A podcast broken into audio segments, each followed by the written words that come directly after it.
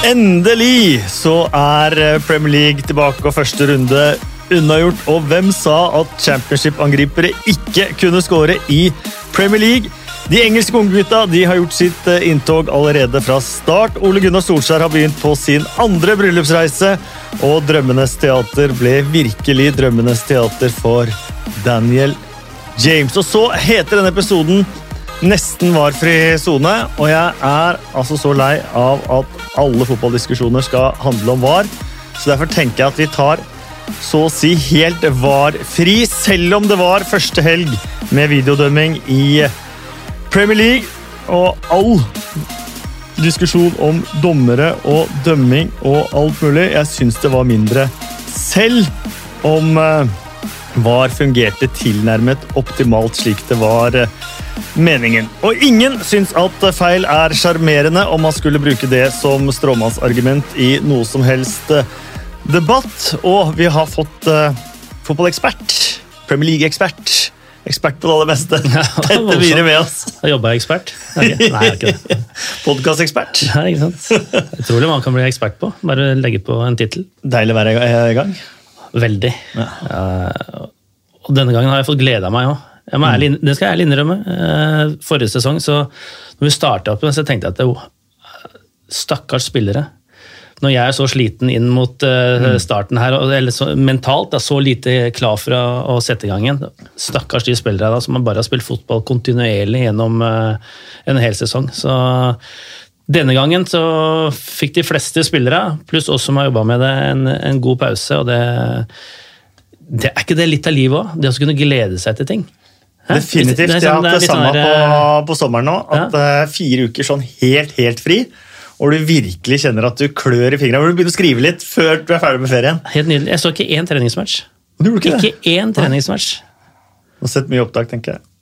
Det hender at du må se noe opptak. Men, eh, men liksom tidfeste ok, nå må jeg hjemme for å se den og den kampen, det var ikke på agendaen i det hele tatt. Eh, Podkastdebutant, TV 2-reporter, men nå også forfatter. Eh, reporter Sigurd Kvalme har skrevet Ole Gunnar Solskjær, superspissen som ble sjef i verdens største fotballklubb. Gratulerer med tittel og bok! Ja, tusen takk for det. Gratulerer. Takk. Du har faktisk fått min eh, sønn til å lese bok i sommer. Det står det respekt av. Uh, nei, Jeg setter pris på at en Vikestad kan, eh, kan, opplæres til å få sansen for litterære mesterverk. Nei, nei, jeg skal ikke kalle det, kalle det. jo, men definitivt. Han sitter på senga, ligger på senga på kvelden og leser bok og forteller meg til frokosten om Solskjær-historier. Det er faktisk veldig hyggelig. Jøss. Yes. Er det noen spesielle historier han har trukket fram? eller? Blant annet at Peter Schmeichel ble rasende på han. Kan det stemme? Ja, det kan stemme. Det var mm. første treningsuka da, i mm. Manchester United i ja. 1996. der. Ja. Skuddtrening. Ja. Skåra på alt? Ja, altså da, da, skulle de ha en sånn øvelse hvor de skulle eh, vippe opp ballen med ryggen til mål, snu seg og skyte på volley. Så smalt eh, første skuddet fra 16 meter eh, rett i vinkelen. Og Schmeichel bare ble stående uten å, uten å eh, røre en finger omtrent. Og så var det forsøk nummer to. Solskjær eh, snudde seg og skøyt kanskje litt raskt. Så Schmeichel ble rasende og sa at jeg, jeg, jeg, er ikke klar. Din idiot. Vent, jeg er klar. Og så Forsøk tre. Solskjær snur seg litt så eppekjekt. Ja, du må huske at her er en tolvåring, en, en korgutt, som har kommet inn i en ganske macho garderobe. Og Solskjær snur seg og spør er du klar. Og Så vipper han ballen opp og, og måker den inn i vinkelen en gang til.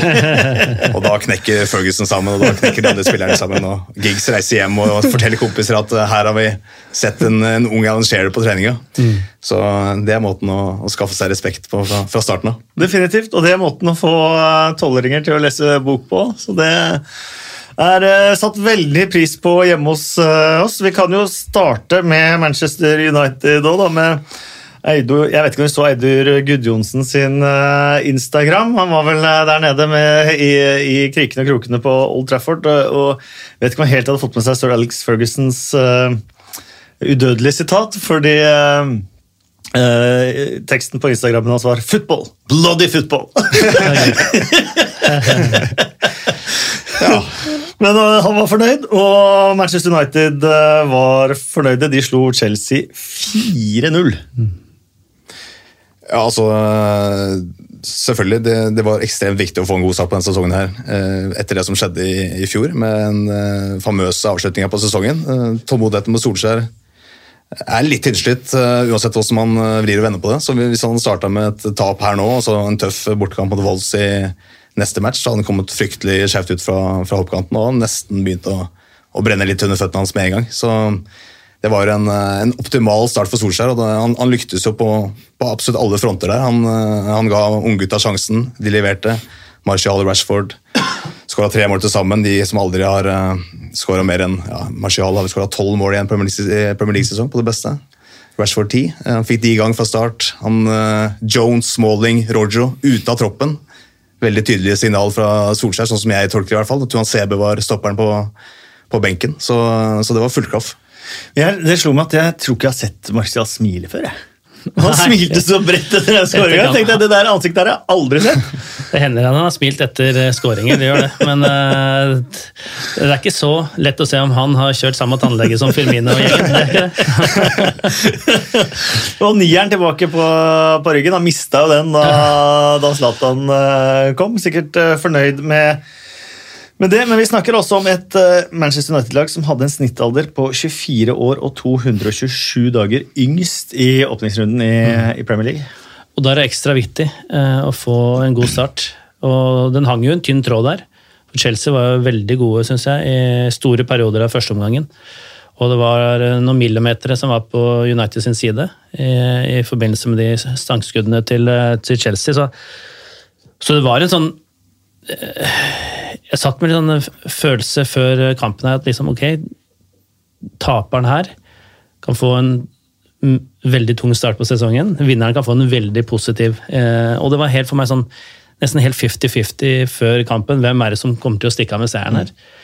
Eh, to managere som er ferske i gamet på dette nivået. Eh, to managere som måtte ty til en del unggutter. To managere som det har blitt sådd tvil eh, rundt. Eh, to mennesker som liksom er sine egne. Eh, og det, det er plusser og minuser med det. Store plusser med at de får som regel litt mer slack. Mm. De, de vet at de, fansen vet at disse kommer til å jobbe ræva av seg for å, for å levere. Eh, og så er det også noe med Som trener så, så, og manager så tar du selvfølgelig alle tap og motgang og sånn veldig tungt. Det er ikke det jeg sier. Men når det er på en måte dine egne, da, så er det kanskje enda litt tyngre. Eh, for du, du, kjenner det Det var litt sånn Jeg husker Giggs og, og gjengen fortalte om når de tapte kamper og sånn i gamle dager. Så var det litt ubehagelig å gå i butikken. For liksom, de var mm. derfra. De var, liksom, eh, de var eh, Manchester-folk. Og da, da, da, svir det litt mer enn disse leiesoldatene som kommer innom. Og halvparten av dem snakker ikke engelsk heller. Så liksom, de mm. får liksom ikke den der dialogen på butikken eller på gata osv. Og, så og det det, man skal ikke undervurdere det. Eh, så jeg tenker at eh, en enorm start for Solskjær å få det greiene her. For nå har han plutselig slack i et par-tre kamper, mm. selv om det skulle gå dårlig. Mm. Eh, og ikke minst, det viktigste av alt, selvtilliten. Selvtilliten inn i det laget der, og vite at ok, vi kan. Tapt den kampen 2-1 isteden. Starta hjemme mot en av de argeste rivalene for å komme topp fire. liksom Misbrukt den sjansen. Plutselig så hadde folk hengt på hele, hele slutten av forrige sesong. Mm. Sånn er mekanismene. Og for en ung, litt skjør gruppe da, eh, det å mentalt skulle på en måte bare gyve løs og ikke bry seg om dette her, det er enormt vanskelig. Litt for autoriteten hans og sånn også, kanskje, ja. at spillerne kjøper inn ideen hans uh, umiddelbart og ser at dette funker? Ja. Vi har snakka om den positive sommeren til Ole Gunnar Solskjær, som kunne gått uh, ganske gærent med starten med Pogba, som skulle selges, og med Lukaku og med uh, de tapene og sånt, men at han har klart å beholde en utrolig eller virker som det har vært en harmoni utad og klart å beholde humør og, og, alt. Er dette sånn slags resultat og utløsning av det, eller er det mer flaks og tilfeldigheter enn som så? Ja, Den analysen uh, tror jeg skal overlate til, til Petter. Det er jo, det er jo tilsomt en del flaks inne i bildet. Med Abraham sitt sangskudd blir det 1-0 der, så må United jage kampen. og uh, det passer ikke United like godt, tror jeg, som uh, at de fikk kampen inn i sitt spor der og kunne kontre og spille med, med masse tempo og intensitet, sånn som vi så. Jeg satt, jeg satt jo og gjorde klar en analyse på at de sleit i det oppbyggende spillet. For det var på en måte et av, eller det største forbedringspotensialet fra forrige sesong. Kontringsspillet deres var eh, fortreffelig også forrige sesong, eh, etter at Solskjær tok over. Det tok en tak i med en gang, det, det høye presset osv. Men du så jo Jeg hadde jo en analyse på de første ti minuttene. På alt Chelsea skapte da, og noe av dem skapte da, var jo også ved at de vant ballen høyt, fordi United rota den bort. Så det er klart den scoringen der, første skåringen der var veldig avgjørende. Og det men det, det er lov, det òg. Jeg husker jeg retweeta en eller annen her i situasjonen her i sommer. om at Flaks og uflaks er uh, uh, har ingen betydning. Liksom det, uh, og, og, så var det bare sånne bilder hvor det går stang ut, stang i bakhuet på keeper ut. Det var bare sånn her, så liksom, det er ingen herredømme over. Og, det, og, det, og det var jo litt sånn. så liksom, det er undervurdert. Mm. Det er flaks og uflaks. Og så er det noen som mener at liksom, du, du får den flaksa du fortjener. Men hvem er det som sitter og regnskap, fører regnskap på det, liksom? Det er, eh, men jeg, jeg, tenker at du må ha flyt. Eh, selv gode lag, gode managere, må ha flyt for å, for, for å ha sjanse til å vinne tittel, for å ha sjanse til å vinne de jevne kampene. Så liksom, det, det var denne kampen.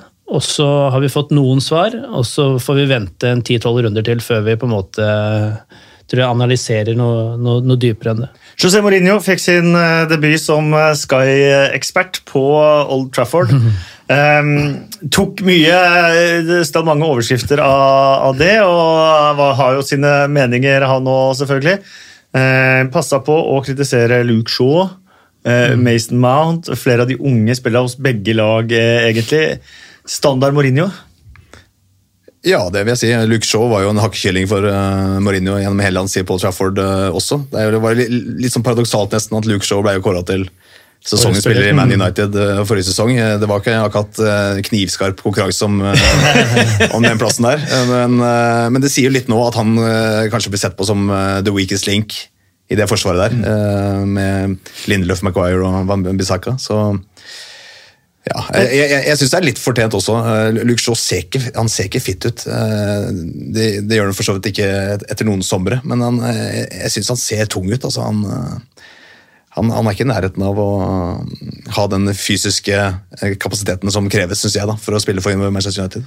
Men, men jeg tenker at eh, Mourinho har stått på andre siden. Så jeg noe av sendinga hvor han sier at det eh, skal bli interessant å se denne sida av sendinga. For jeg skal tilbake, eh, denne siden mm. av, uh, av, bordet. For jeg skal tilbake igjen, og litt hvordan man tenker. Og det tror jeg han har godt av å lære, faktisk. Å sitte på andre sida. For det Jeg syns litt av problemet hans er at han hele tida skal rettferdiggjøre seg sjøl. Mm. Og nå starter han jo egentlig med det igjen. Hvorfor må man liksom fortelle at uh, Maguire, istedenfor at Maguire er en god signering, det vil, det vil styrke forsvaret der osv., så, videre, så så må han liksom henge på dette her for at uh, han kommer til å finne ut at han må sikre Luke Shaw mm. dag og natt. Uh, liksom Nesten følge ham hjem uh, til leiligheten om kvelden. og det er liksom bare Det er ikke noe folk trenger å vite, egentlig. og det er sånn her Folk sier at ah, det er herlig med folk som snakker rett fra levra. Ja, mulig det det Men så de, legger de til at og, For det er herlig med folk som er ærlige.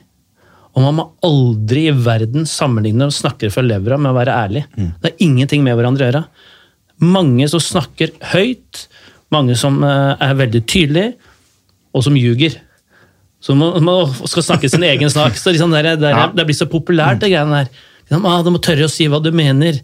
mange av dem sier ikke hva de mener engang. De snakker, snakker for å få seg sjøl i et bedre lys. Så men uh, Frank Lampard reagerte jo ganske sterkt, spesielt på dette med Mason Mount. og så Han trodde knapt sine egne ører da fikk spørsmålet på pressekonferansen etterpå. hva... Han var, knall, han var knallgod første halvtimen. Mm. Han var, han var jo, du kan ikke legge dette her på unggutta, i hvert fall. Nei, eh, og, og, hvis du, og, ja, og, hvis du ser de eldre spillerne, hva slags smeller de har gått på de siste par sesongene ja. også, ja. Eh, mot Bournemouth og, og, andre, hvor de har sluppet inn fire mål på 30-40 minutter, mm. Eh, så, så, mener jeg at det blir, det er veldig veldig rart også å slenge dette her på de, de unge spillerne. Ja, ja, og så var det, Hvem var han hadde som alternativ? Han brukte det beste laget sitt. Eh, og, og det, Du ser jo også Mourinho forrige sesong, da. Eller var det før der, ja, når eh, alle hadde mast på Rashford. Og så bruker han som spiss, og så spiller han dårlig, og så bruker han det for alt det er verdt i mm. media. Mm. Ja, nå, sorry, nå fikk folk vilja si. Ja, ja, fader, det er du som skal bygge opp han gutten, som skal prestere. Jeg husker jo eh, Rashford spilte, spilte spiss mot Young Boys i Champions League. Ja. Han kommer alene med keeper og prøver en sånn chip som går over. Da. Ja. Og Marino liksom med kroppsspråket bare demonstrerer for hele tribunen at Ja. for en idiot. Nei, sånn, sånn, er null, null sansen for sånne ting. og Sånn etterpåklokskap har jeg heller ikke noe sansen for. Trenere, uh, trenerne må ta avgjørelser ut fra hva de har sett i preseason nå, hva som uh, har skjedd siste uka. Uh, og det er, de er eh, i best forfatning til å ta de avgjørelsene. Det er ingenting å lure på. Uh, og så er det flere tanker bak her. Uh, noen, ok, Vi må kanskje spille noen i form, for jeg vet at han kommer til å gi meg masse om en måned. Kanskje han er litt dårligere akkurat nå, for han er tilbake fra skade. Men jeg må matche den. Han måtte sette inn Kanté der, selv om det kanskje ikke var det optimale eh, på hans eh, skadesituasjon. Så liksom må man få han i form, eller, eller kampbildet der og da. Sant? Han, eh, så, så det er masse sånne ting, og det provoserer meg med folk som har eh, vært eks-spillere, eks-trenere osv. Med en gang, hvis de kommer i studio og alt blir svart-hvitt, at det er enkle løsninger på alt, så syns jeg det er en sånn fordummende greie som uh, man bør holde seg for god til. Så ja, jeg, jeg synes, Ut fra hva jeg så i den kampen, i hvert fall, så syns jeg eh, han gjorde en bra match. Men klart når det står 0-4 på, på tavla, så kan man jo være kritisk til alt, hvis man vil. Men hva, hva tenker du har skjedd med Mourinho, som på en måte før var, eh, var den som spillergruppa gikk gjennom veggen for? da? Hvor Marco Materazzi står og, og griner når han skal reise, og vi har Chelsea som, eh, som gutta ville dø for omtrent. Han hadde jo suksess. Ja. Suksess så går alt. For meg, så, eh, for å være veldig tabloid enkel, eh, når du har suksess, så kan du gjøre absolutt alt. Du kan endre formasjoner, du kan si at nå skal vi bare løpe i fjellet. Vi skal, uh, han er en idiot, du er kul. Liksom, du, du, du, kan, du slipper unna med alt. det, det er, men du er helt avhengig av å ha resultater hele veien. Da. Det er utrolig hva du slipper unna med. Den dagen du ikke får resultater, så veit du at den pila den peker på deg som manager. Og da får du igjen med, med, med renter. Og klart Det å kunne stå da og forsvare en spillergruppe, dag ut, dag inn, og tross at du har lederlønn, det er ditt ansvar dette her, det er for meg en del av det å være leder. Da. Eh, og som selvfølgelig er vanskelig, hvis du er vant til å få det som du vil. Frank Lampard tapte aldri med fire mål som Chelsea-spiller i løpet av hans eh, 429 Premier League-kamper som eh, Chelsea-spiller. Men han har tapt uh, større før. Dette var hans største tap siden han tapte 1-7 på Old Trafford Deo med Westham i april 2000. En utrolig trang start for uh, Frank Lampard, men fint å se hans lille øyeblikk med fansen og sånn uh, etterpå. Jeg har vært inne på også så vidt.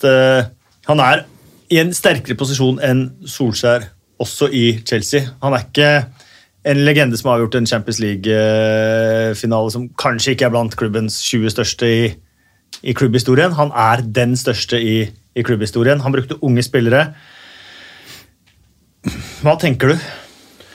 Nei, Som Solskjær, når han først har fått muligheten nå Nå tenker jeg Lampard. ja, jo, men med Lampard akkurat som Ja. Solskjær, Når de først har fått muligheten, så må de få samme muligheten som alle andre. Da må du få x antall overgangsvinduer til å bygge det laget. Få inn sin filosofi, eh, og ikke bli dømt etter ti-tolv kamper og si om dette var vellykket eller ikke. For, det, for, for, det, det, for meg er det meningsløst. Eh, og så kan du si at det er en snev av gambling å, å hente inn uh, Lampard, pga. at han har veldig lite eh, trenererfaring. Nå er jeg ikke noe bekymra for det fotballfaglige. Eh, han er en oppegående gutt. Eh, han eh, kan fag. Han har folk rundt seg trenerteamet som som er dyktige trenere. og det, Han analysefolk, han har, han har jo en hel armé av folk rundt ham som kan hjelpe ham med det fotballfaglige. Så Det er jeg ikke bekymra for. Men det er noe annet å være leder som kaptein ute på banen øh, i en match, enn det å stå og skulle ta alle avgjørelser i garderoben, på treningsfeltet, dag ut, dag inn. Det er så mye som skjer på et treningsfelt, i garderoben, i en klubb, som de som sitter rundt, ikke har filla anelse på. Hadde man visst hvor mye det er, har man visst hvor mye sjuke folk det er, som mener både det ene og det andre og har agenda osv., så, videre, så så hadde man blitt overraska. Det å stå der da, i, i motgang og medgang, eh, det er vanskelig. Eh, Og det er liksom på en måte De egenskapene der får du jo med erfaring. da. Det er ikke sikkert du om, om sju-åtte år er noe bedre taktisk fotballtrener, men du er garantert en mye bedre leder. For du har gjort noen feil, og du har, du har vært i situasjoner som du faktisk har løst og fått positivt, uh, noe positivt ut av, som du tenker ok, det kan jeg bruke seinere osv. Så, videre. så det er jo utfordringa her nå, hvis de skulle fortsette med en, en tung start. da. Liksom, hvordan, hvordan er standingen hans? Hvordan, hvordan takler han det som, som leder? Eh, fotballfaglig er ikke noe bekymra i hele tatt. Da vet jeg at De aller fleste overskriftene i uh, engelske tablider var rett opp din gate, Petter. For der var det stort sett uh, konkludert. Maguire er den nye Ferdinand. Maguire okay. Lindeløf det er beste stoppeparet siden Ferdinand. Vidic, Pogba det er verdensklasse, og Solskjær uh, har vist at uh, han er en fantastisk manager. Alt dette er allerede bestemt etter første runde. Kan, det er det du elsker, er ikke det? Ja, vi kan, kan vel, uh, i, i, og med at vi sitter i Norge, da, så kan vi jo ta, hente fram noen artikler om Rosenborg fra de første, første månedene, og Horneland. Og så kunne vi sammenligna det med det som skrives nå om dagen, av de samme folka. Mm. Så det er, det er bare sånn det er. og det jeg tenker at det kan man ikke bry seg om. Eh, det, det, er dessverre sånn det er blitt. bare. Ja, men det er karameller å suge på i alle fall for Manchester United-fansen. Liverpool de startet eh, hele ballet på fredagskvelden mot nyopprykkede Norwich. Eh, Jørgen Klopp har vel sagt at de ikke får lov til å ta på det Anfield-merket i spillerserien før de har vunnet noe. Og det er deilig å se Jordan Henderson klaske i det Anfield-merket før han eh, gikk ut til serieåpninga. Det der tror jeg han har drømt så lenge om. Ja, altså, eh, Jordan Henderson syns jeg uh, faktisk begynner å bli en meget god midtbanespiller for Liverpool. Han har jo fått mye, mye pes. Vår sjef Espen Solbakken har jo vært, stått last og brast ved hans side, mens han har fått, uh, fått pepper uh, overalt, men nå, nå, har han vel kommet litt høyere opp i banen uh, Petter og Kasper, enn han gjorde før, med Fabinho som en litt mer balanserende spiller. Mm. Får vist kanskje litt mer hva som bor i en offensivt også. Jeg mener at det har vært en meget god spiller, viktig spiller for Liverpool i alle år. Ja. Med unntak Så av de første... Mente at løpsettet ikke kunne bli toppspiller? Nei, og første, første sesongen hans var vel helt forferdelig. Mm. Jeg vet ikke om det var de første to, men i hvert fall eh, i starten hans. da. Var, var Så har det gått litt opp og ned òg? Han... Jo, det har gått opp og ned, men hvilke spillere har ikke gjort det med? Ja, ja. Og han har også vært i et lag hvor det har gått opp og ned. Mm. Så, så, jeg syns han har vært en veldig viktig spiller for, for, Liverpool lenge. At han har vært kaptein, eh, det har jeg også sagt flere ganger, at det er naturlig. Det er noe hel vev igjen. Og, og, i dagens, dagens, samfunn, vi kan ikke kalle det samfunn, så, så, er det viktig med noen sånne litt jordnære, eh, reale typer som på en måte mm. gjør det beste uansett. Og han har jo fått mye tyn og det er umulig å vinne noen titler, store titler med han som kaptein og sånn. Det er liksom den den floskeren som på en måte har levd. så jeg, jeg tenker for han. Gerard også, det er ikke det mest Nei, takknemlige. Nei, også tenker jeg at han, når han fikk ta imot den, da, da har han lov til å klappe på det skiltet. Når, når, ja, nå har de lov! Nå har de lov, Kommer til å gjøre det hver gang, og det er, eh, det er fint, det. Eh, dødelig effektive, selvfølgelig, eh, Liverpool. Men Norwich prøvde å gi det match, da. Mm. Og de var gode i perioder? Ja, Skapte store muligheter der. Da. Så hadde jo Grant Handley i midtforsvaret. og ja. Han ble vraka tidlig forrige sesong. Han starta forrige sesong som kaptein. De vant vel én kamp av de seks han spilte i championship, så han, han var ikke helt på nivå i championship. Um, spilte vel en FA Cup-kamp også litt seinere, var det han fikk mot Portsmouth. Da var det rødt kort eh, ganske tidlig, og ut mm. i FA-cupen også. Når du ikke er helt på championship-nivå, så er det jo tøft å skulle gå inn som kaptein på Anfield. da. Jo, helt klart, men uh, du trenger ikke akkurat å sleive ned egen mål for det. da. Nei, men det, jeg, sier, jeg syns det, det, det, det, var veldig uh, godt å høre av deg i pausen. Du sa det er jo ikke naivt når det, når det skjer personlig feil. Du kan ikke skylde det på naivitet. liksom. Nei. Når et lag er i balanse, men, men sleiver baller i eget, uh, eget nett. og ja. Norwich-manager Fark var vel inne på det etter matchen at de leda vel 5-1 i skudd. Da ja. Liverpool leda, eller i avslutninger da, da Liverpool leda 2-0. Uh, men jeg føler også Liverpool kunne vunnet mer her. Eh, og de kom i gang med angriperne sine, med midtbanen, med liksom eh, Trent Alexander Arnold målgivende med en gang. og Det meste klikka da. Ja, men jeg, eh, Du kan godt si at Norwegian var naiv i den kampen. og sånn, og Vi så etter 30 sekunder så var jo Max Aarons på, på Liverpools halvdel, mens Liverpool kontra på motsatt. Eh, som er nesten uhørt liksom, fra et nyopprykka lag å komme til Anfield med den holdninga der. Ja, naivt var det jo. Det, det var det. Men Farkis sa jo på forhånd at han skulle være naiv. Ja, ja, men, men altså, Norwich møter nå Champions League-vinnerne på bortebane. altså Kanskje den tøffeste bortekampen de har i hele Premier League. Eh, og greit, De ble straffa, men eh, de, de rakk jo å vise veldig mye at det bor, bor, mye offensivt i det laget. og De kunne jo faktisk ha fått et par eh, to mål kanskje før pause mm. også, mot dårligere lag enn Liverpool. Så tror jeg Norwich kan, kan, dominere og styre mange kamper. og ja, det var... Det, var det er det de ønsker, da, men de kommer til å slippe inn en del mål selv om de dominerer. Forrige sesong slapp de vel på nesten hver dødball de fikk imot. og De slapp jo på dødball nå òg. Uh, Torstvedt hadde jo en interessant stats. Var, med antall skårede og innslukne, ja. ja at eh, hvis i, fra championship til Premier League, hvis du eh, rykker opp, så skårer du 40% mindre mål enn det du gjør i championship i snitt. Og slipper inn 47% mer, nesten 50% Den kampen var et godt bilde på det. da. De hadde jo nok sjanser til å skåre. Ja. Sannsynligvis forrige sesong så hadde de satt 2-3 i den kampen her. Mm. Eh, og kanskje hatt vesentlig mer kontroll defensivt. da. Mm.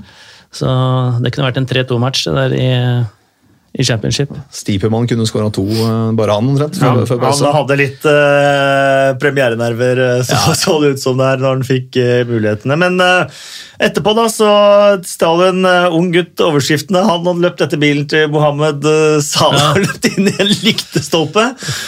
men fikk jo sitt drømmemøte. Det er en vakker historie, egentlig.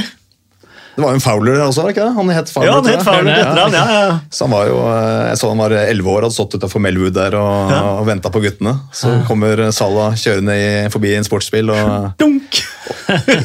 I, I, iveren så smeller han inn i en lyktestolpe der. Så det var jo, eh, i den grad man skal snakke om ukas blomst osv., så, videre, så kan man jo Altså, man kan også si at det skal bare mangle at hvis du ser en liten unge slås bevisstløs mot en lyktestolpe, så skal det bare mangle at du går ut av bilen og sjekker åssen det går. Da.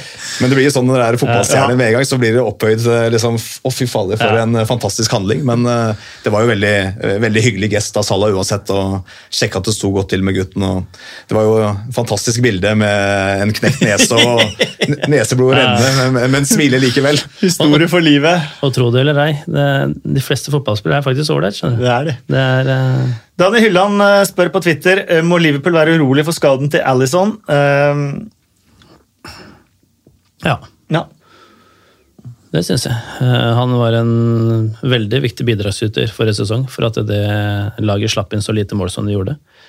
Eh, så god ut i Community Shield. Mm.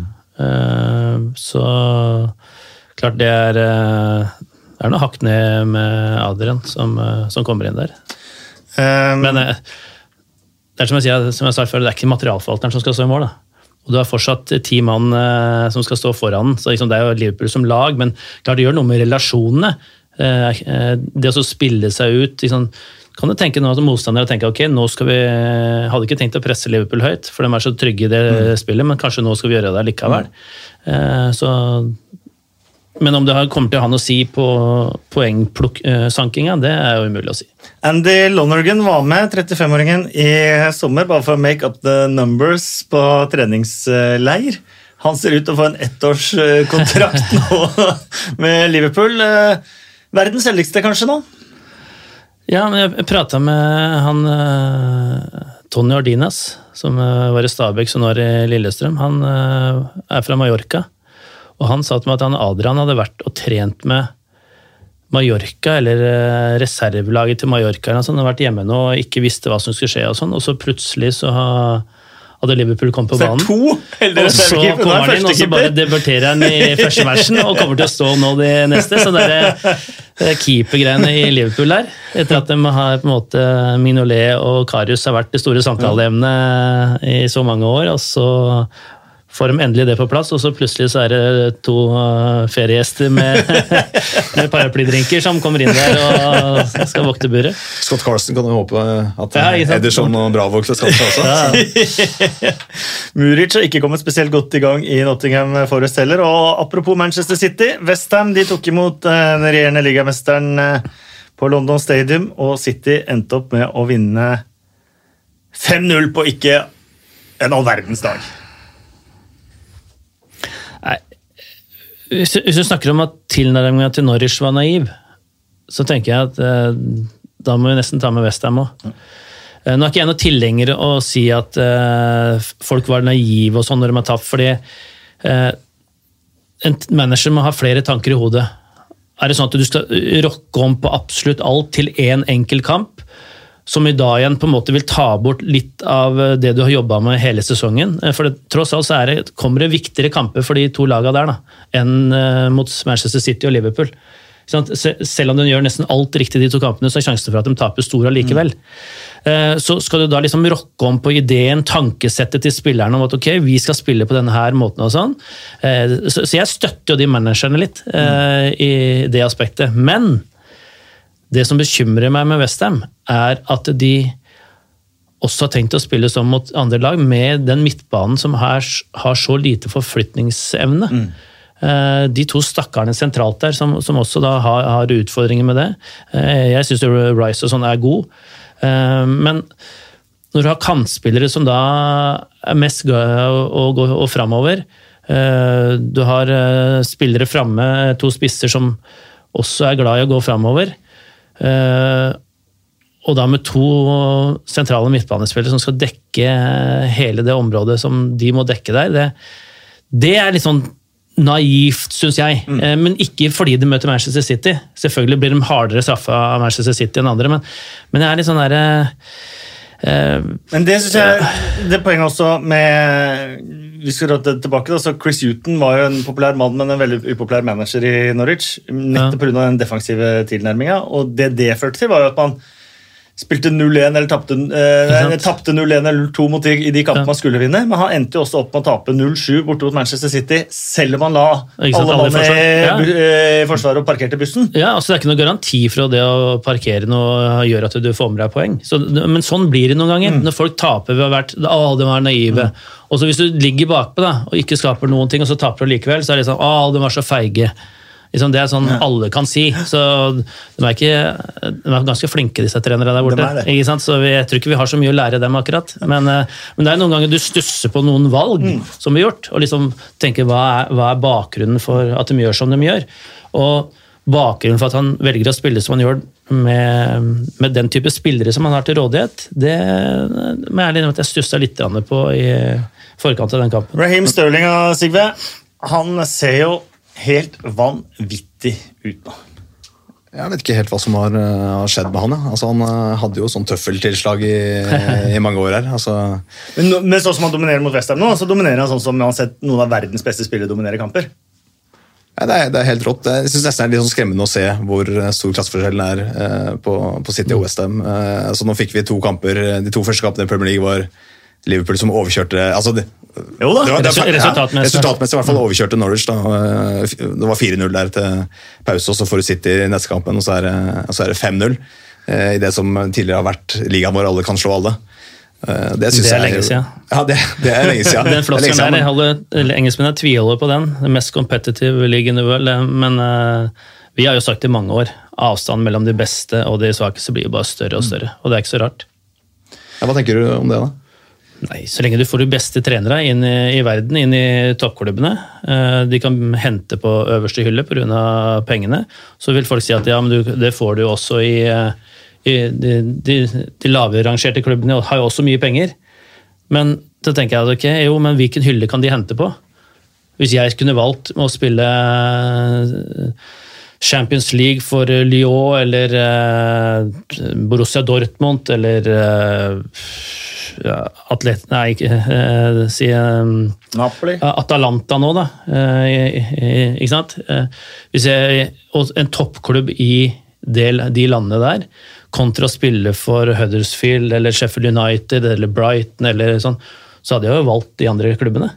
Så det er ikke sånn at de kan liksom hente de beste av de nest beste igjen nedover. Så, sånn sett så tror jeg at det jeg, syns det er bevist det siste. Så har du noen unntakstilstand, noen sesonger hvor alt går på tverk og Leicester vinner, og, det som er en herlig greie. eh, som jeg elsker. eh, men jeg tror jo vi har sett de siste sesongene nå, med den lista som Manchester City har lagt nå, at det er eh, Ja, men allikevel. Palace eh, og Leicester eh, slo Manchester City forrige sesong. Newcastle slo Manchester City. Jo, men da, da, Forrige sesong, men, men da, snakker, da snakker du om Ja, absolutt. og ofte- Men det, jeg føler og fortsatt det er sånn i- alle i, i en, på et, et enkelt, en enkelt match.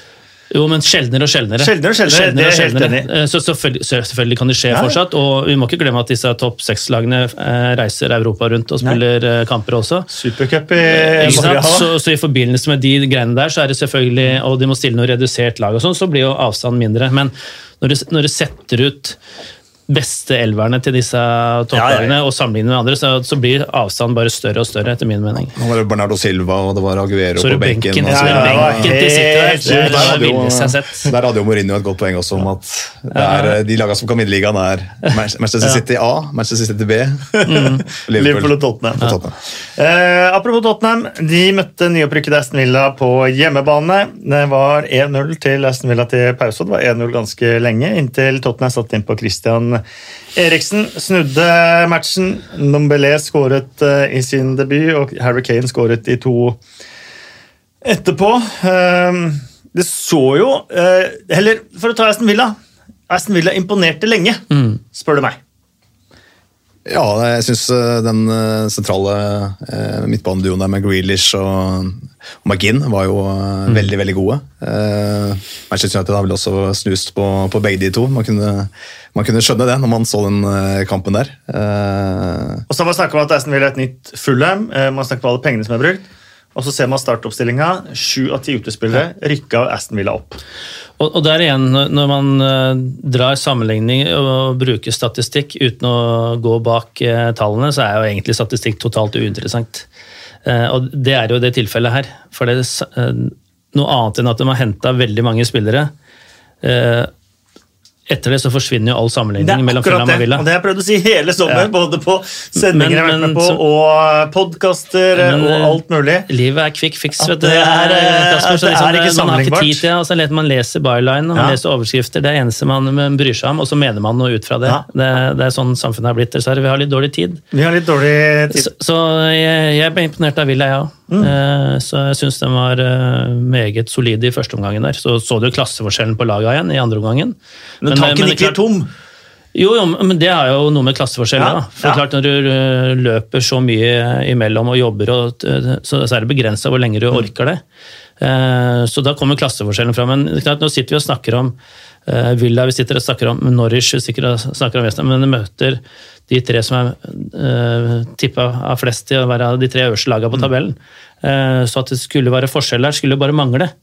Uh, Men uh, forskjellen var vesentlig mindre eh, i første omgangen Mm. enn det man eh, kunne tro. Da var kanskje Villa vel så gode. Det var ikke noe ufortjent at de leda til pause. Jeg så uh, Oppda Joe skrev vel eh, på Twitter her at eh, Jack Grealish har nå satt en, eh, en uheldig Premier League-rekord også. Har ikke trengt seg på Opta Joe for den, vet du, for den skrev jeg før matchen. Okay. på Twitter selv.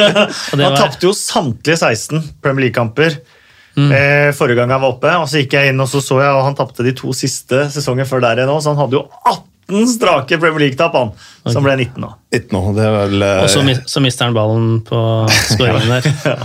Så god han hadde vært, og så gjør, Ja. gjør han en skjenesvanger eh, feil. Men eh, det var vel litt sånn Gareth Bale også holdt på en periode. Eh, Tottenham Ja, ja. kunne vel ikke slutte å tape med Gareth Bale på var Han var kanskje Championships beste spiller forrige sesong, Jack Greer. Så Han hadde skadeperiode han, på 14 matcher. Da vant Aston Villa 2. Da han kom tilbake, så tapte de ikke. han betød Nei, han, eh, ekstremt mye for det, det laget der. Meget god spiller. Og har litt sånn uh, bohemstil med strømpene godt ned på anklene. og Er det vet kult, man, Vet ikke om han spiller med litt leggskinne engang. forskjellige? Det må han jo, men eh, Forsida av er sånn- telefonkatalogen, da. Bare tatt det gamle trikset med litt teip inni strømpa der. noe avispapir. Og så er han jo eh, lokalgutt. Han er Mm. jo født og oppvokst i Birmingham, eh, vært Villa-supporter hele sitt liv, og det betyr jo noe ekstra. Mm. Og det at han også har vært i Villa ti sesonger de har vært i Championship, forteller jo alt om hans uh, dedikasjon til, uh, til klubben nå. Hadde ikke rykka opp nå, så hadde han antageligvis tatt steget ut, da, men så lenge de rykka opp nå, så er han der uh, fortsatt fantastisk. Ja, han virker som en sånn ordentlig type også. Husker Mm. den der banestorminga i fjor, hvor, hvor kul han var eh, rundt hele den situasjonen der. og Se at han har et strikk i håret der og mye, mye produkter. og Skoene i playoff-finalen. Ja, ja, helt Spilte sånn sokkelesten, han. Han er gjennomført, det er ikke noe sånn påtatt. Nei. Og så lenge ting er gjennomført, så tenker jeg at da er det en kul greie. Helt klart. Eh, Jon Kenneth Finstad spør du som elsker de gamle stadionene, Kasper, hvordan funket eh, nye White Hart Lane for deg hvis dette var første gangen? Det var første gangen. Jeg eh, savner veldig mange av de gamle stadionene, det har jeg sagt hele veien, og jeg syns ikke disse nye plastikkbollene kan sammenligne seg på noen måte. Verken de som er bygd på samme modul. Du har jo en del stadioner rundt om England nå som er prikk like, det er bare forskjellig farge på, på setene.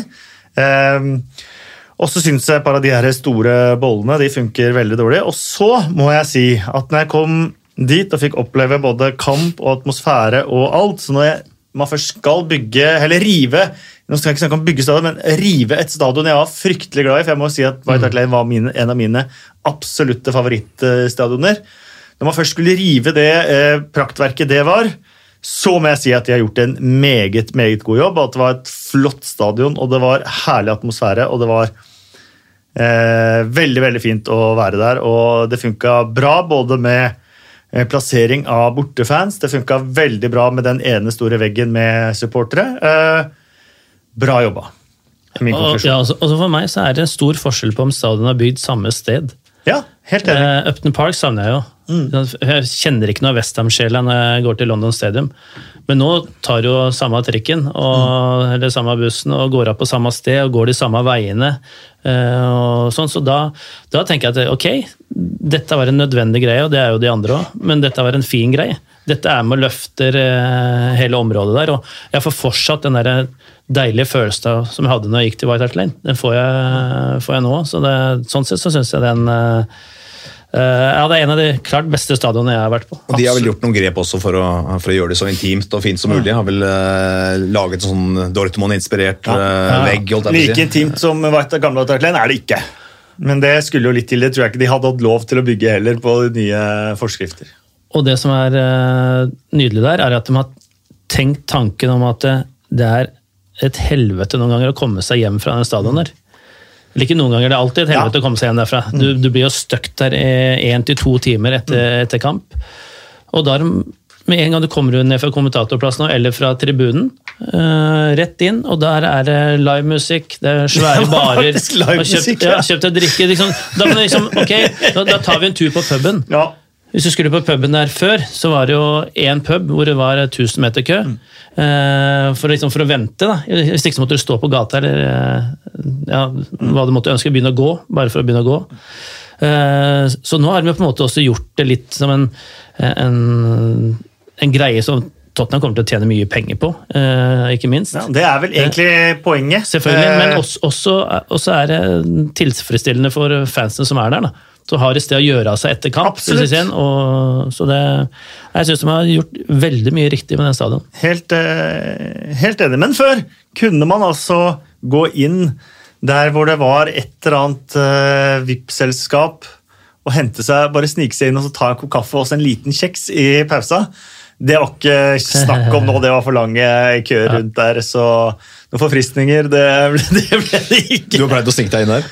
Nei, jeg, jeg, På gamle White Hart ja. Ja. ja. Alltid sneik jeg meg inn der. Spurte jeg går det greit å bare gå inn og hente meg en liten kaffe og en kjeks. Ja, det pleide å gå fint. Men, men det må være så gjennomtenkt på White Hart at de har til og med beholdt han kameramannen som sitter i veien. Ja, det så jeg faktisk. Det var, det var en liten sånn dekning av synet der. Fryktelig greier. På White Hart så var det umulig å se ene halvdelen av banen. For han, kamera, disse, disse kamerafolka sto rett foran oss. og kommenterte, og så sitter du så lavt. Og det husker du for bildene Ja, fra ja. White Hart og det var veldig lave bilder. Så i noen tilfeller så sitter du og ikke ser hva som skjer. ikke sant? Og så kommer første gang jeg skulle kommentere på nye stadion nå, så får jeg den nederste plassen der, og da sitter det pokker meg en kameramann i veien igjen altså, og dekker ene goalen. Da tenker jeg ok. Sånn var det med White Lane, gamle White Lane. Du kunne jo nesten ikke se eh, sidelinja, liksom den nærmeste sidelinja. Eh, og det Samme med Southamptons gamle stadion også. Du måtte liksom, nesten stå foran TV-en og bøye deg ned. for Ja. Gamle, men gamle gamle dager i White Hart Lane så var jo kameravinkelen ekstremt høy.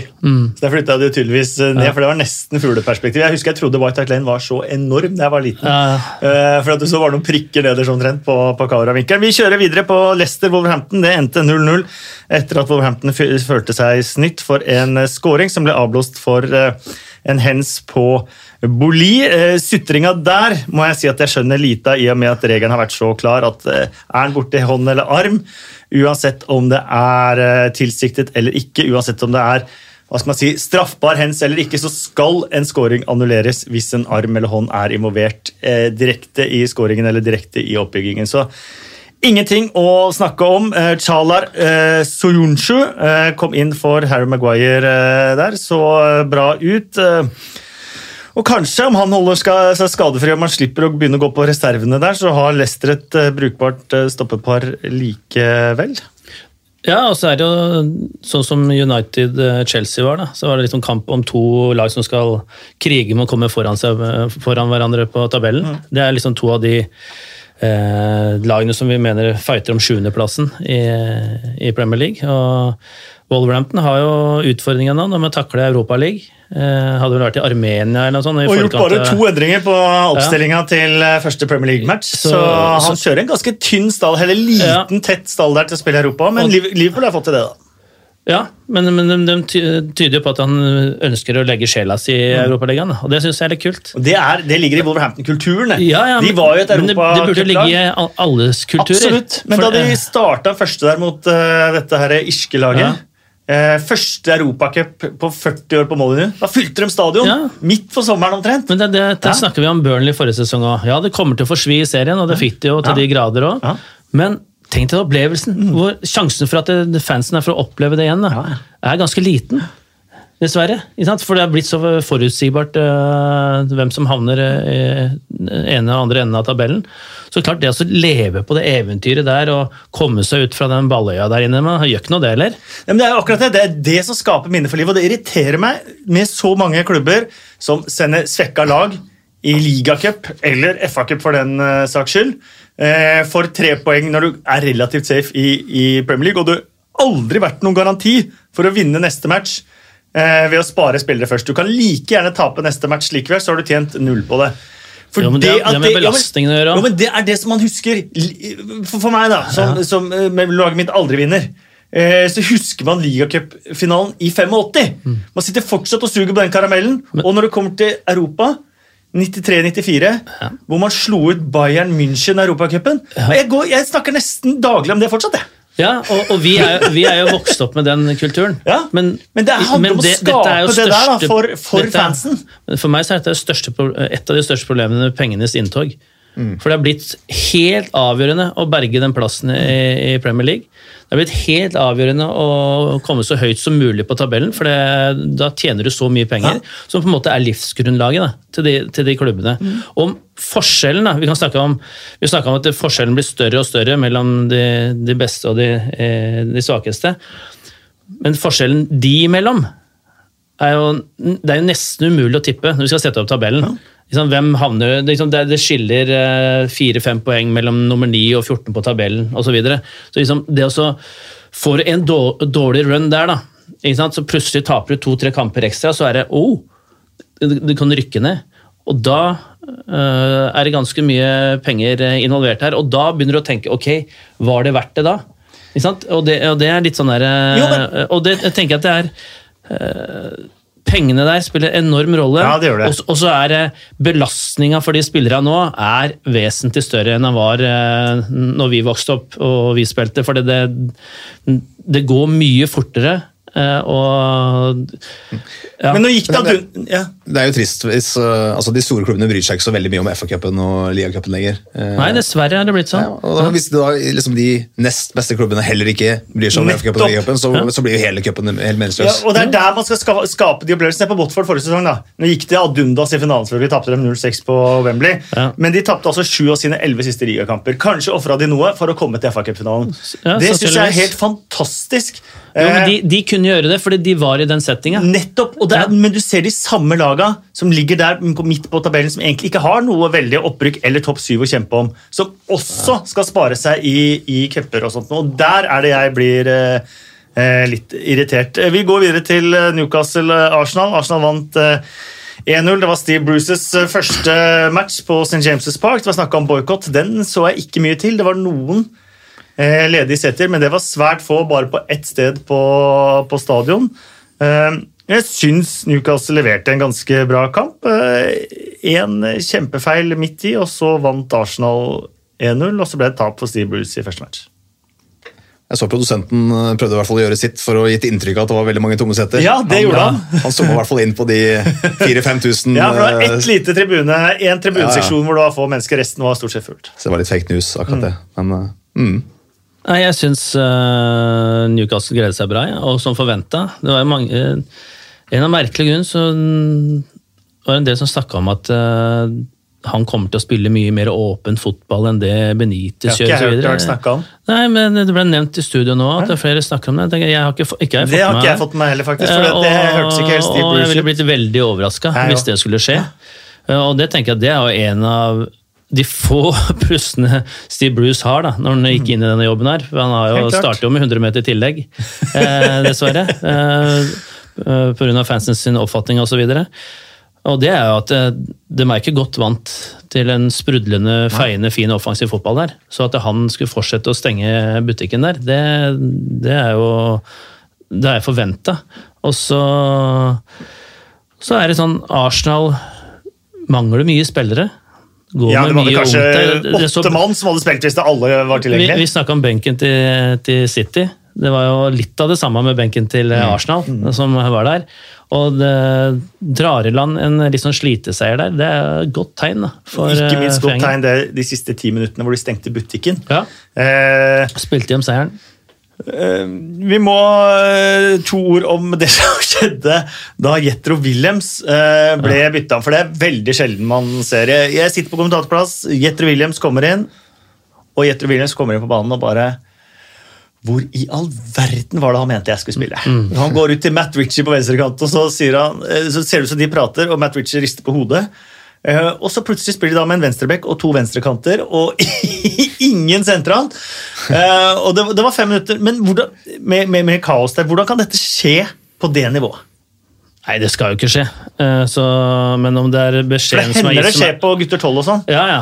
ja, ja det skjer Og, ofte. på, og på Åråsen i går, altså, det Kippe kom inn som en nummer ti. Ja, ja. Men, men i det tilfellet her så burde det vært en no-brainer, for han er jo venstreback. Eh, Og, Ja. og dette snakker vi om til og med før kampen, og kanskje passer han enda bedre å spille i en femmer, fordi han eh, er litt sløv defensivt, han faller ut.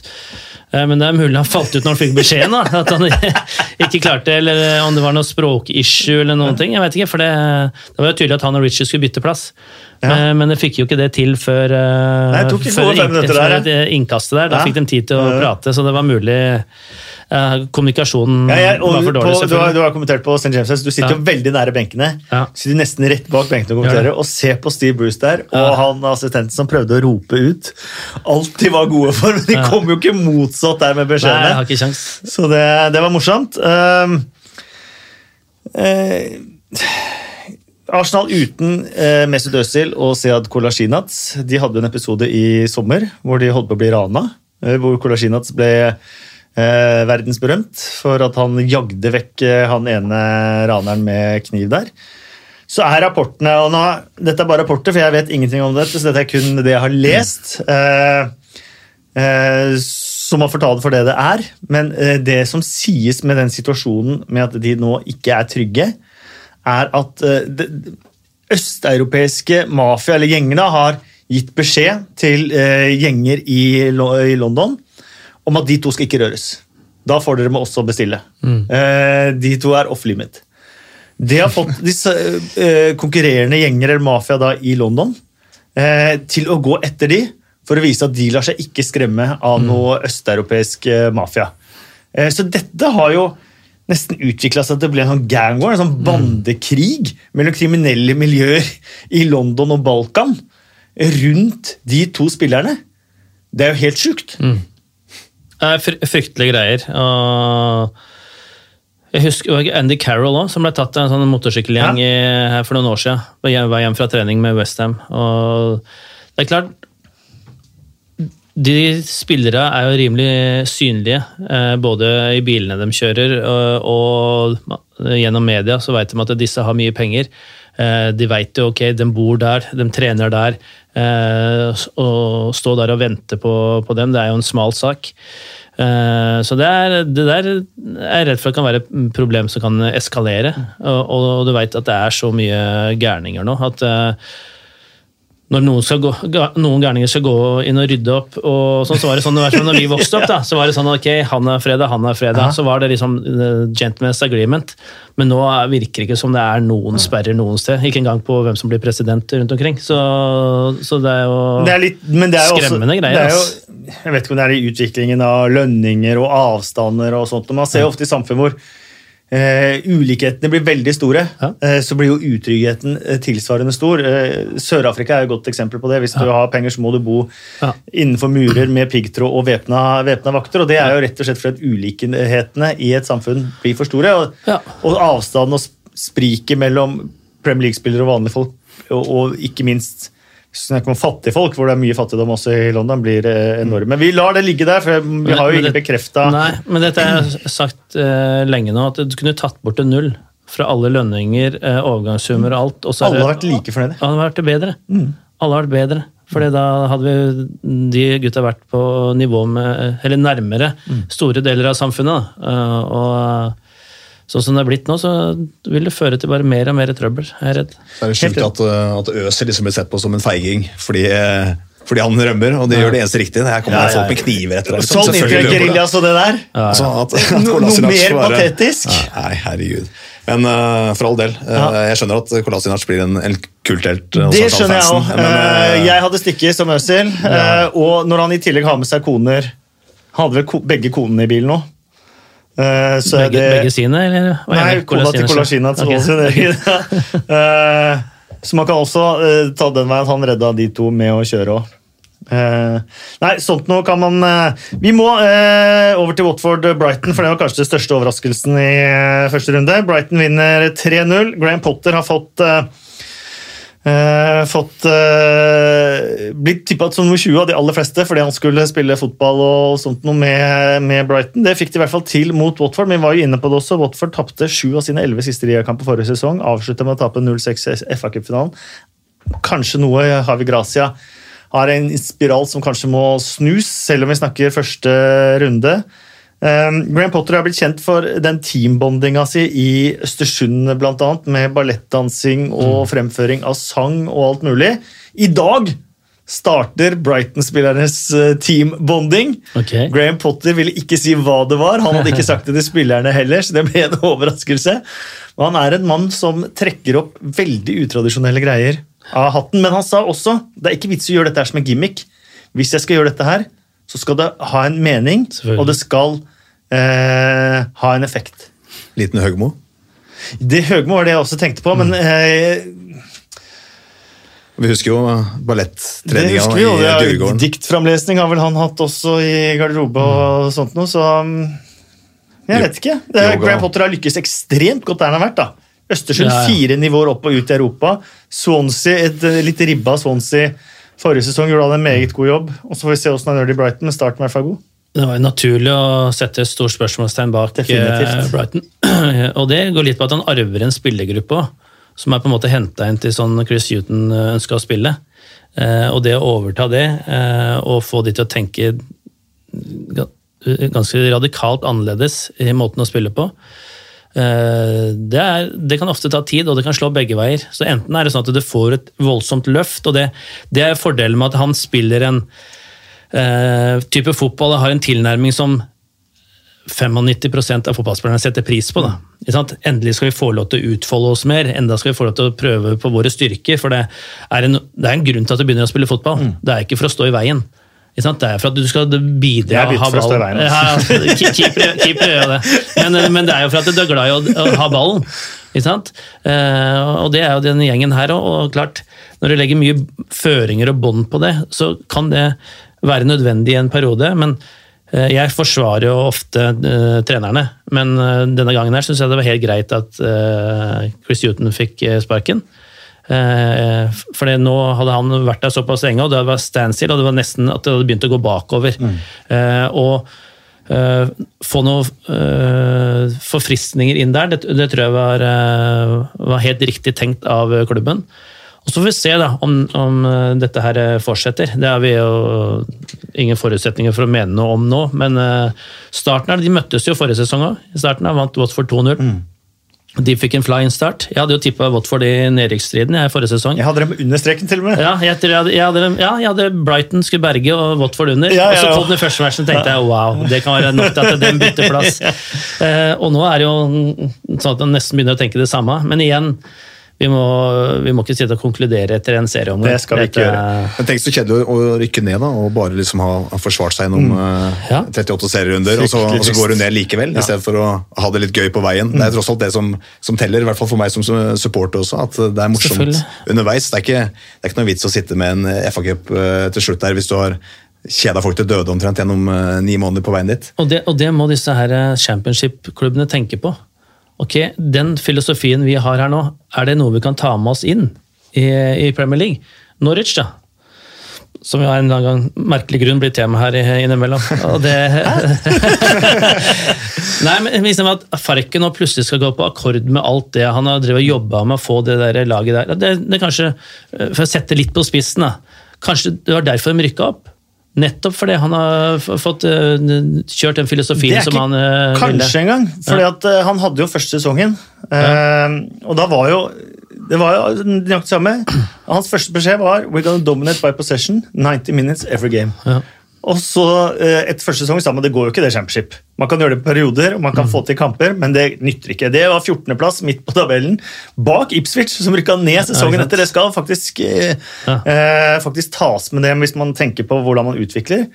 Eh, og så har han fortsatt med neste sesong og starta vel med 0-2-3 på de fem første kampene. Det var ikke mange Norwich som håpa at han skulle beholde jobben da.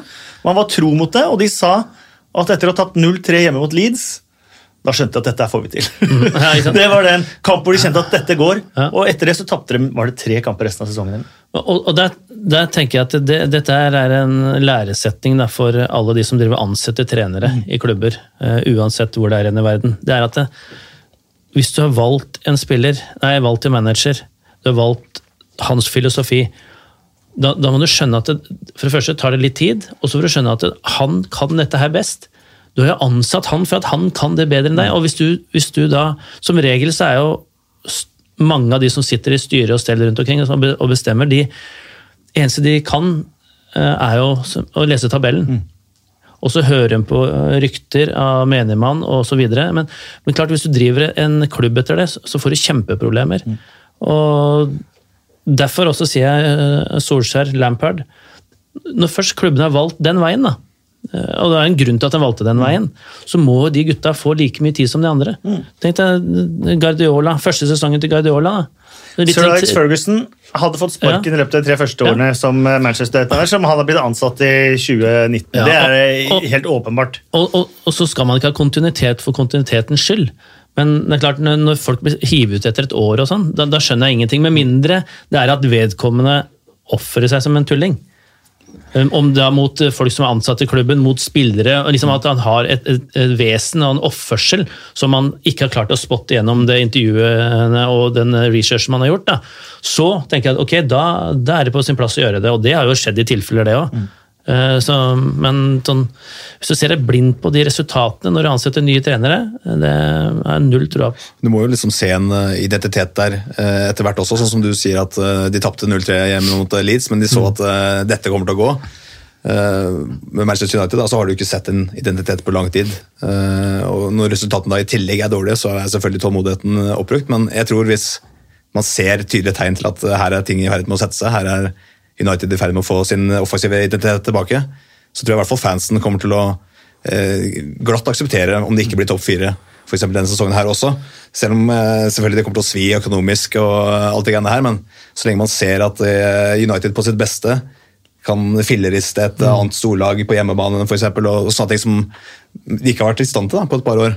Eh, United har jo vært nødt til å liksom rane til seg poeng eh, hvis de skal ta poeng mot topplagene. Eh, De vant vel én gang borte mot de topp seks-lagene i, i fjor. Det var Tottenham borte. Det var den seieren de, de tok, og de var rett og slett ikke kapable til å, til å ta mer poeng. Men, men de hadde jo en identitet under Mourinho òg. Men, den Ja. var men, men den var annerledes.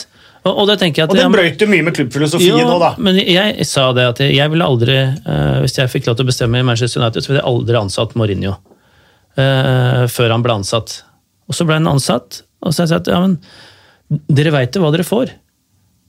Å sitte da og kritisere han pga. at det er defensiv tilnærming, eh, for at han er eh, kontroversiell i noen uttalelser, at han henger ut noen spillere ja, men dette er jo det dere har betalt for. Det er det dere sitter på styrerommet og tenker at ja, men dette her er det vi ønsker.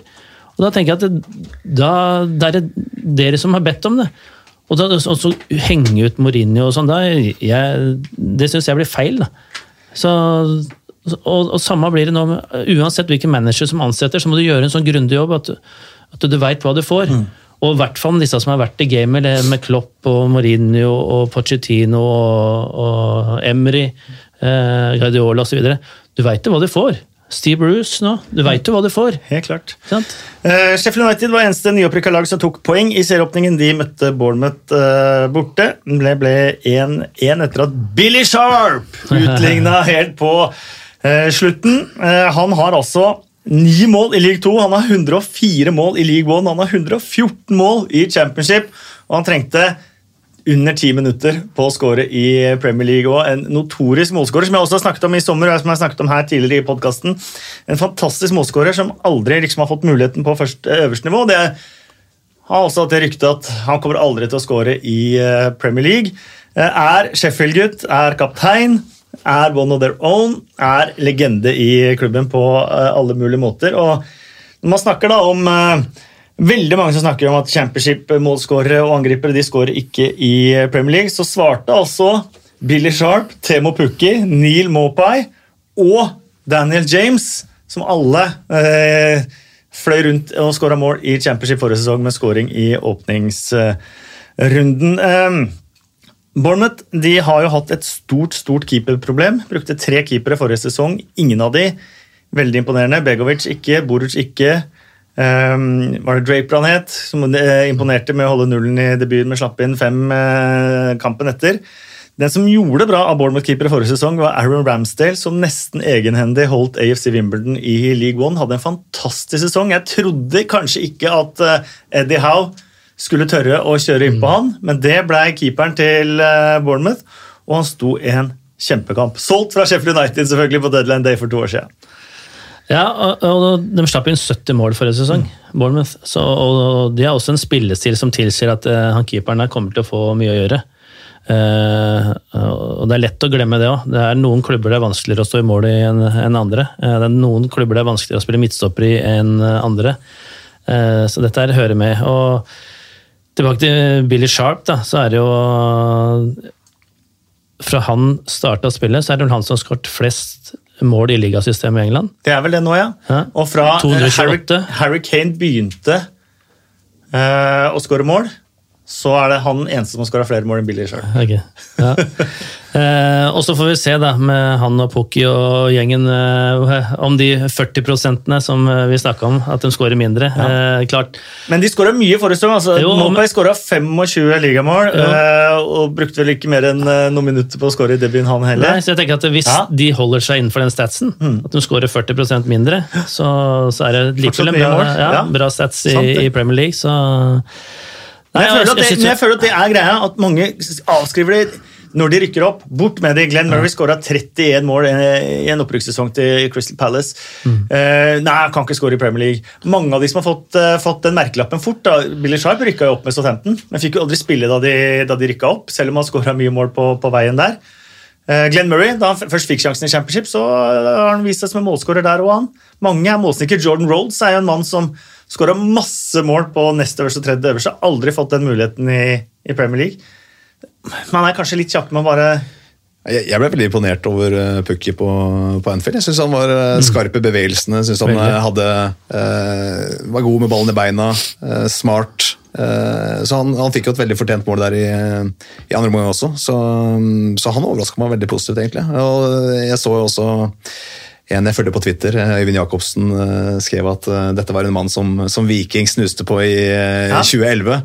Men de droppa han da til fordel for Trond Olsen. Så det, det blir litt sånn Lewandowski til Hødd-historie, nesten. da, Men Ja, men han uten for øvrig. Nei, han kommer fra dansk fotball. Han Ja, ja. kommer gratis fra Brøndby før, før forrige sesong, og han har mislykkes i klubber tidligere. Han har vært både i Sevilla, Schalke og Celtic Mm. uten å lykkes.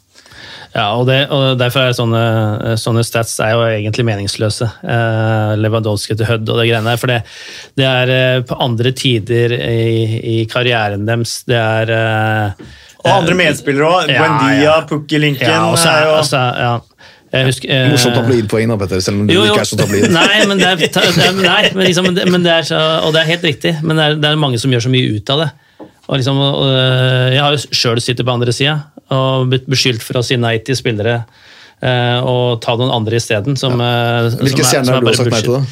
Nei eh, Ragnar Klavan forsvant vel eh, under deres han, regime? han vil jeg beholde, Ja. for han var jo Vi skauta jo en del det, det året der, eh, og fikk jo beskjed av alle scoutene ute og sånn at han var den beste venstrebekken, eh, unge venstrebekken i Europa.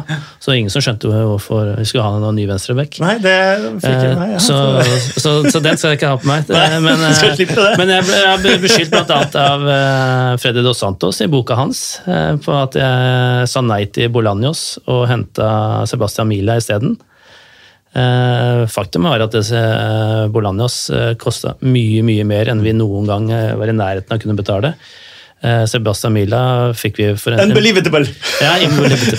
Eh, en, en billig låneavtale eh, som, eh, som ikke bandt oss opp noen ting omtrent. Så liksom, det blir sånn, sånn eh, det, det er hundrevis av de historiene der. Da. Eh, og så velger jo selvfølgelig folk å ta en tabloid virkning på det. Hvis ikke så har det ikke noe effekt. Nei, vi Så- så velger det å kjøre en vi kjører tabloid Så, eh, her. ja. Eh, Burnley de knuste Southampton 3-0. En kamp som lenge sto og vippa inn til Ashley Barnes, som alltid skårer mot Southampton. Putta to.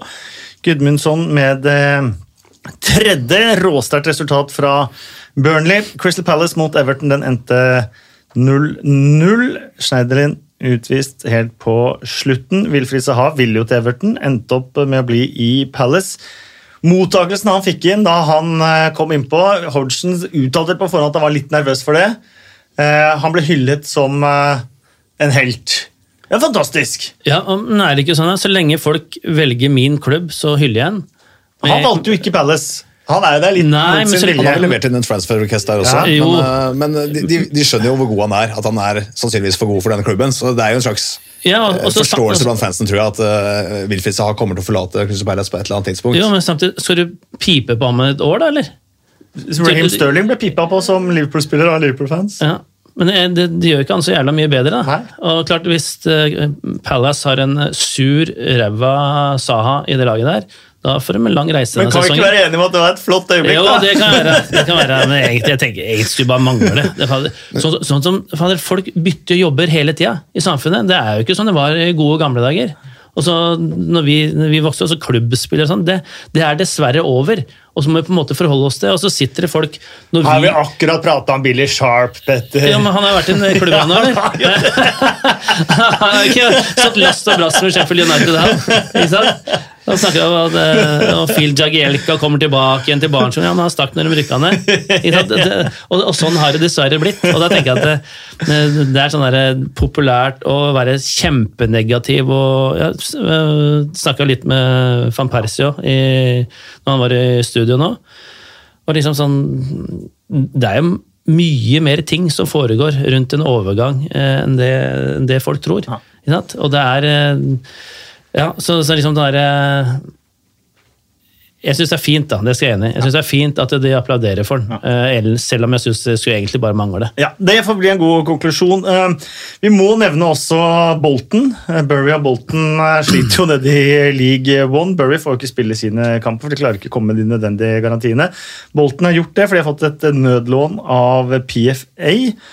Eh, Men eh, seniorspillere, som de har syv av, de vil jo ikke spille for Bolton, for de er jo redde for å bli skada og sånt noe. De har ikke fått lønn heller, så Bolton stilte med juniorlaget sitt mot Coventry. Eh, snittalder på 19 år. Kaptein Harry Brockbank, 20 år. Nest yngste i klubbhistorien, men klarte altså 0-0 Å, eh, mot eh, Coventry. deilig. Eh, og eh, Bolton-fansen må vi også ta med her. Var fantastiske. Og enhver takling, enhver pasning, enhver ting som gikk bra, så var folk på beina for å støtte gutta. Ganske fint øyeblikk eh, nedi der. Og, og for Harry Brockbank, da, kapteinen på 20 som har vært i klubben siden han var fem år gammel. Så Det er, jo, det er en kul kamp å spille for de eh, gutta nesten. Så, eh, altså de har absolutt alt å vinne i den kampen. der. Som du sier, Man feirer enhver takling og en- enhver ballerobring blir jo feira som en uh, seier. Det minner meg nesten litt om da det, de danske landslagsspillerne streika og sendte fotballspillere og diverse bort til å, Ja. til å spille en, en kamp. og Jeg husker ikke akkurat hvem det, Det gikk, ikke- det gikk ikke så bra. Ja, det ble bare 0-3. Ja. Eh, Ja, men, men det, men, men det- er en sånn positiv inngang på en sånn match for, for de spillerne. da. Eh, da skal vi dele ut eh, blomster og kaktus fra. Det var moro å se på. Morata var kjempegod. Hva i all verden? Det er lov å si hvor mye det provoserer meg. Han snakka ikke om seg sjæl, han snakka om dommeren. Vi kan begynne med rundens blomsterbukett. For meg, Anthony Taylor. Vi snakker mye om dommere og VAR og greiene her, men han klarte det sjøl å gi fordel til eh, United på, på straffen der. Og det er en sterk prestasjon, for det Jeg tør påstå at ni av ti dommere hadde dømt på den første forseelsen der. For Den var så tydelig, og det var, på en måte, det var ingenting som Ballen hadde liksom ikke noe tydelig eier rett etterpå. og sånn, Så det at han klarte å puste inn istedenfor ut der og Har du spleisa på blomster med Solskjær nå? Nei, Du kan sammen på blomsterbutikken for å gi til Taylor. ikke det. Men, eh, men jeg syns vi kan hylle de, Ja. det, de noen ganger òg, for de får eh, nok pepper. Har du en kandidat? Altså, Det er ikke så veldig kreativt, kanskje, men, men James for United selvfølgelig kommer inn Ja. der. Bruker sju minutter Jeg på har han på øyeblikket på skåringa. Ja, jeg har, et, han har en annen på øyeblikket, så da kan vi bytte på der. Skal vi gi blomstene til eh, Taylor, da, så eh, øyeblikket Altså, ja, Et av mine øyeblikk som jeg kanskje har sett igjen øh, 20 ganger nå etter ligaåpningen, var jo det som skjedde etter 51 minutter på Old Trafford. Maguire. Maguire bryter foran Abraham der.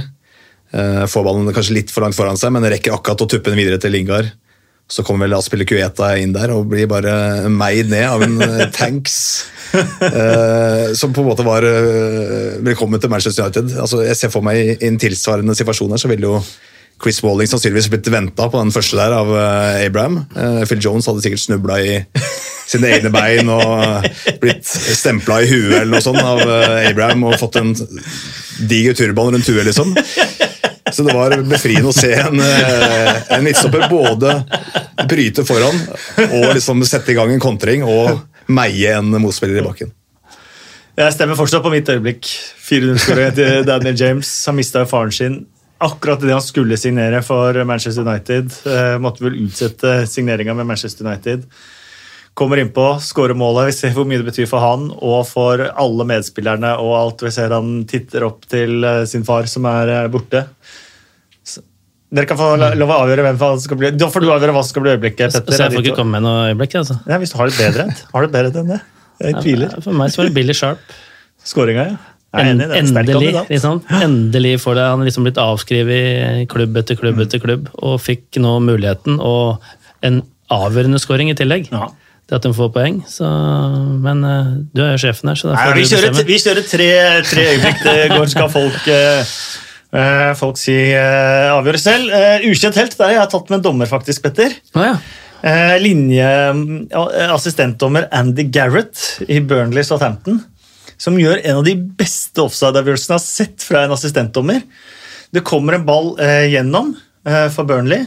Stevens, eh, midtstopperen til Southampton, eh, skal bare ta den ballen. Snubler idet han skal ta den ballen. Da er det vel Ashley Barnes, tror jeg, som kommer og snapper den ballen, legger inn, scoring. Men idet den poleren kommer opp, så har jo Ashley Barnes vært i offside, selv om han har vært langt til tilbake etter det. Og når Stevens eh, snubler, så tar han ballen igjen. Eh, de måtte sjekke den på VAR, eh, men assistentdommer Garrett hadde naila den situasjonen. Enormt bra assistentdømming. Og så, og så tror jeg, nå tror jeg faktisk det er en del lyttere som også må høre det reprise, alt du gikk gjennom der, for å skjønne situasjonen. Ja, det er, det der vanskelig Det å skjønne, men det var vanskelig å skjønne på banen òg, Men Gareth var eh, oppe med, med flagget der og skjønte situasjonen. Ok, det er greit. Men han gikk etter ballen. Eh, Barnes Ja. han tok ikke ballen etterpå. Nei, mm. forsvarsspilleren gikk etter ballen. Ja, Han skulle til å ta ballen, og så snubla han. Men han var ikke borti ballen. Ja, altså Offside-regelen forandrer seg hele tida, men det er ikke sånn hvis man går etter ballen. Hvis man, hvis man gjør et uh, forsøk om å klarere vekk ballen Men er klart Hvis han uh, snubler i skolista si før han får uh, strekke ut Ja. foten, så er det jo ikke noe reelt forsøk. da. Nei. Har du en annen ukjent helt? Nei, altså det, Vi var jo egentlig inne på det i stad, med han uh, Louis Fowler. Han syns jeg var en helt. også. Jeg tror at når han står der og med brukket nese og smiler til kamera. Det syns jeg var nydelig. Nei, jeg har ingen, ingen helter. Da gir vi Andy Garrett den. Er det noen vi har lyst til å gi kaktus? Eh, Vi kan ta Martin Myrberg. Han mener Almiron burde få på Twitter. eh, Almiron burde få kaktusen for et elendig forsøk på filming, som ble ferska Ja. lett selv uten var. Ja, den var tydelig, den. Eh, min personlige kaktus gikk til lydfolka på de ulike stadionene Ja, borti det er enig faktisk. Ja. Jeg at jeg måtte kommentere to matcher fra, fra studio der. Jeg skjønte ingenting at jeg hadde vært eh, borte engang, ja, men jeg skjønte jo hvorfor. da.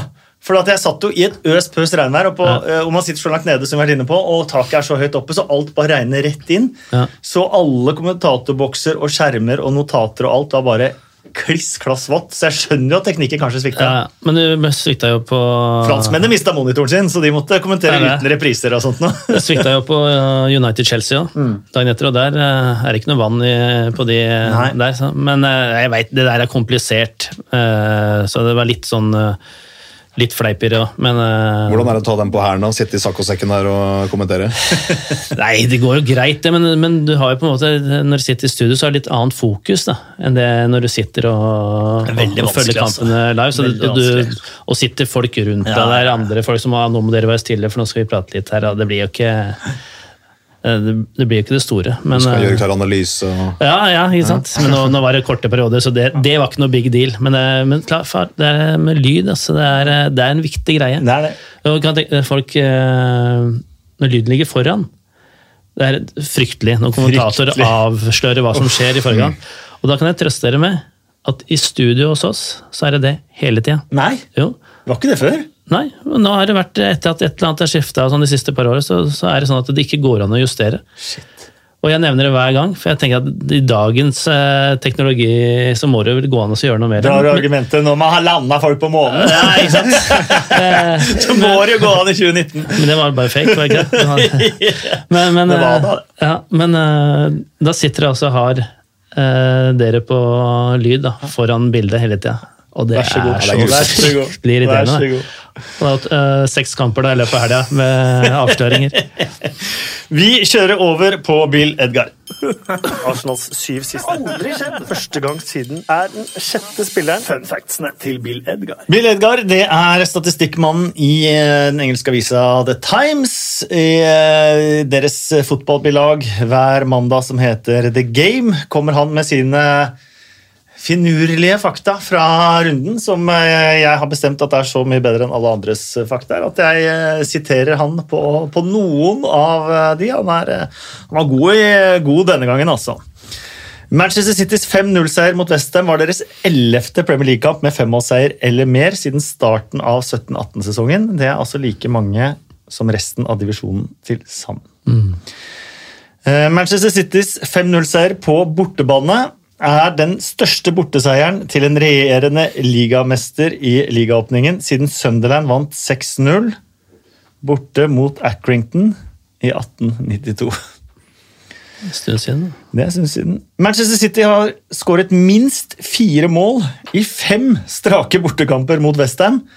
Det er første gangen i engelsk fotballhistorie at et lag fra den øverste divisjonen gjør det mot et annet toppdivisjonslag. Det var tre Manchester City-varianter. det. Eh, kommer en til, faktisk. Raheem Sterlings hat trick mot Manchester City Nei, Raheem Sterlings hat trick mot Westham var Manchester Citys 14. hat trick i Premier League siden det siste hat tricket til Manchester United, som var Van Persie, eller? Jepp. Eh, Max Aarons, høyrebekken til eh, Norwich, som, eh, hvor navnet starter på to a-er. Eh, han passerte dermed sin fetter Rolando Aarons som øverst i alfabetet på spillere som noen gang har spilt i den øverste divisjonen. Kuriøst. Ja, yes, det er kuriøst. Og lagkompisen Todd Cantwell ble faktisk første med fornavnet Todd i engelske to eh, toppdivisjonen. Jøss. Det syns jeg var meget overraskende. Det ser helt vilt. Ja, jeg måtte inn med Todd Kane og sånt, noe som var i Chelsea, men han fikk jo aldri noen eh, Premier League-kamper for, eh, for Chelsea, så, så det var veldig overraskende. Men Liverpool hadde kun tapt to av sine 64 siste omganger i Premier League før Norwich vant andreomgangen 1-0. Og te før Temo Pukkis skåring hadde Liverpool skåret 20 mål på rad på Anfield uten å slippe inn. Ja, En det- enorm prestasjon! ja, 41 kamper nå, er det de har? Uten Nå er det tap. 41 kamper uten tap siden Palace vant i april 2017. Med manager 2017. Sam Allardyce. Scott Parker er en tidligere engelsk landslagsspiller som startet hos Charlton på 90-tallet, spilte for Newcastle og Westham i tiåret etter, og er nå manager for en London-klubb i Championship, der han vant med to mål på lørdag. Det samme er Lee Boy. Parker med Fulham, Lee Boyer med Charlton. For andre sesongen på rad ble Manchester United første laget til å skåre på straffe, og Everton første laget med rødt kort. United fikk vel tolv straffer forrige sesong, ikke? Og det må du ikke spørre meg om. Da er vi klare for eh, fem kjappe spørsmål etter ett Twitter-spørsmål fra Kjetil. Um, Spørsmålene kjappe, eller svarene kjappe? eh, Du skal først få ett et spørsmål fra Kjetil som du kan okay. svare litt lenger på. Så skal du få fem eh, kjappe, er, og da kommer fem kjappe svar òg. Men favorittstadion å kommentere på? Åh. Ja, det er vanskelig. Jeg har sagt tidligere, så syns jeg når de gynger ordentlig på Goodison Park, Ja, så synes sagt, jeg det ja, det er helt enig. eh, helt nydelig. Det er mitt svar òg. Og det er litt sikkert fordi jeg begynner å bli, eller er grå i hyssingen og sånn, at jeg setter litt pris på de gamle, Mm. gamle greiene. Men eh, ja, jeg tror kanskje jeg står ved det. Helt enig. Da er det fem kjappe spørsmål. Hvem er best? Nick Pope eller Jordan Pickford? Jeg går for Pope.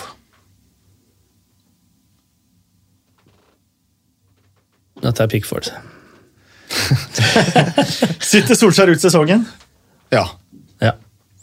Blir Pogba solgt nå i august? Nei. Nei. Skal du begynne av til oss, eller? Sånn at ikke du bare hermer. Eh, eh, blir Chelsea topp seks? Ja. Ja. Og klarer Billy Sharp tosifra antall Premier League-skåringer denne sesongen? Nei. Ja. Suverent. Det var eh, første ligarunde unnagjort. Det var eh, denne podkasten unnagjort. Eh, Gi oss gjerne stjerner og kommentarer på iTunes. Følg oss gjerne på Twitter. Heter 2PLpod der. Um, Og, og si gjerne fra hvis du skjønte noe av den uh, dommersituasjonen. til Dere- assistentdommeren dere, kan se, dere kan finne den inne på Nei, kan det, gå- det er ikke lov å se på den. Hæ? Det er ikke lov å se på den. Nå skal skjønne den uten å ha sett Ja, den. ja. Syns du jeg forklarte den så dårlig? Nei, det er mulig bare jeg som falt ut. ja, jeg forklarte sikkert Folk må sende sine tegninger basert på det du forklarte Kasper. uh, tusen takk for at du kom, Petter. Jo, takk for at jeg fikk komme. Ja, uh, Det må man takke for òg. Sigve, boka di. Ole Gunnar Solskjær, superspissen som ble sjef i verdens største fotballklubb. Min sønn anbefaler den på det sterkeste. Ja, så eh, Finner ikke bedre anmeldelse enn det, tror jeg. Eh, Glem det, Dagbladet, VG og det greiene der. Sønnen din. Terningkast seks fra min sønn. Ja, det, det holder for meg, det. Ja. Men sånn opplag til kollegaer og sånn, det gjelder ikke, eller? Altså, du skal få en, du. Eh, Men, men jeg er nødt til å trykke opp noen nye eksemplarer nå med, med sønnen til Kaspers anmeldelse på Ja, coveret. ikke sant? Det er viktig. Det er viktig. Terningkast. Eh, ellers er vi tilbake neste mandag, um, og så får man kose seg med Premier League eh, som kommer til helga. Og så får man kose seg egentlig resten av uka også. Takk for Nei, jeg må si takk til Felix som har sittet der. Du er så stille, Felix! takk til Felix er Hernes som har lagd episoden, og takk til Moderne Media. Og nå er det takk for i dag.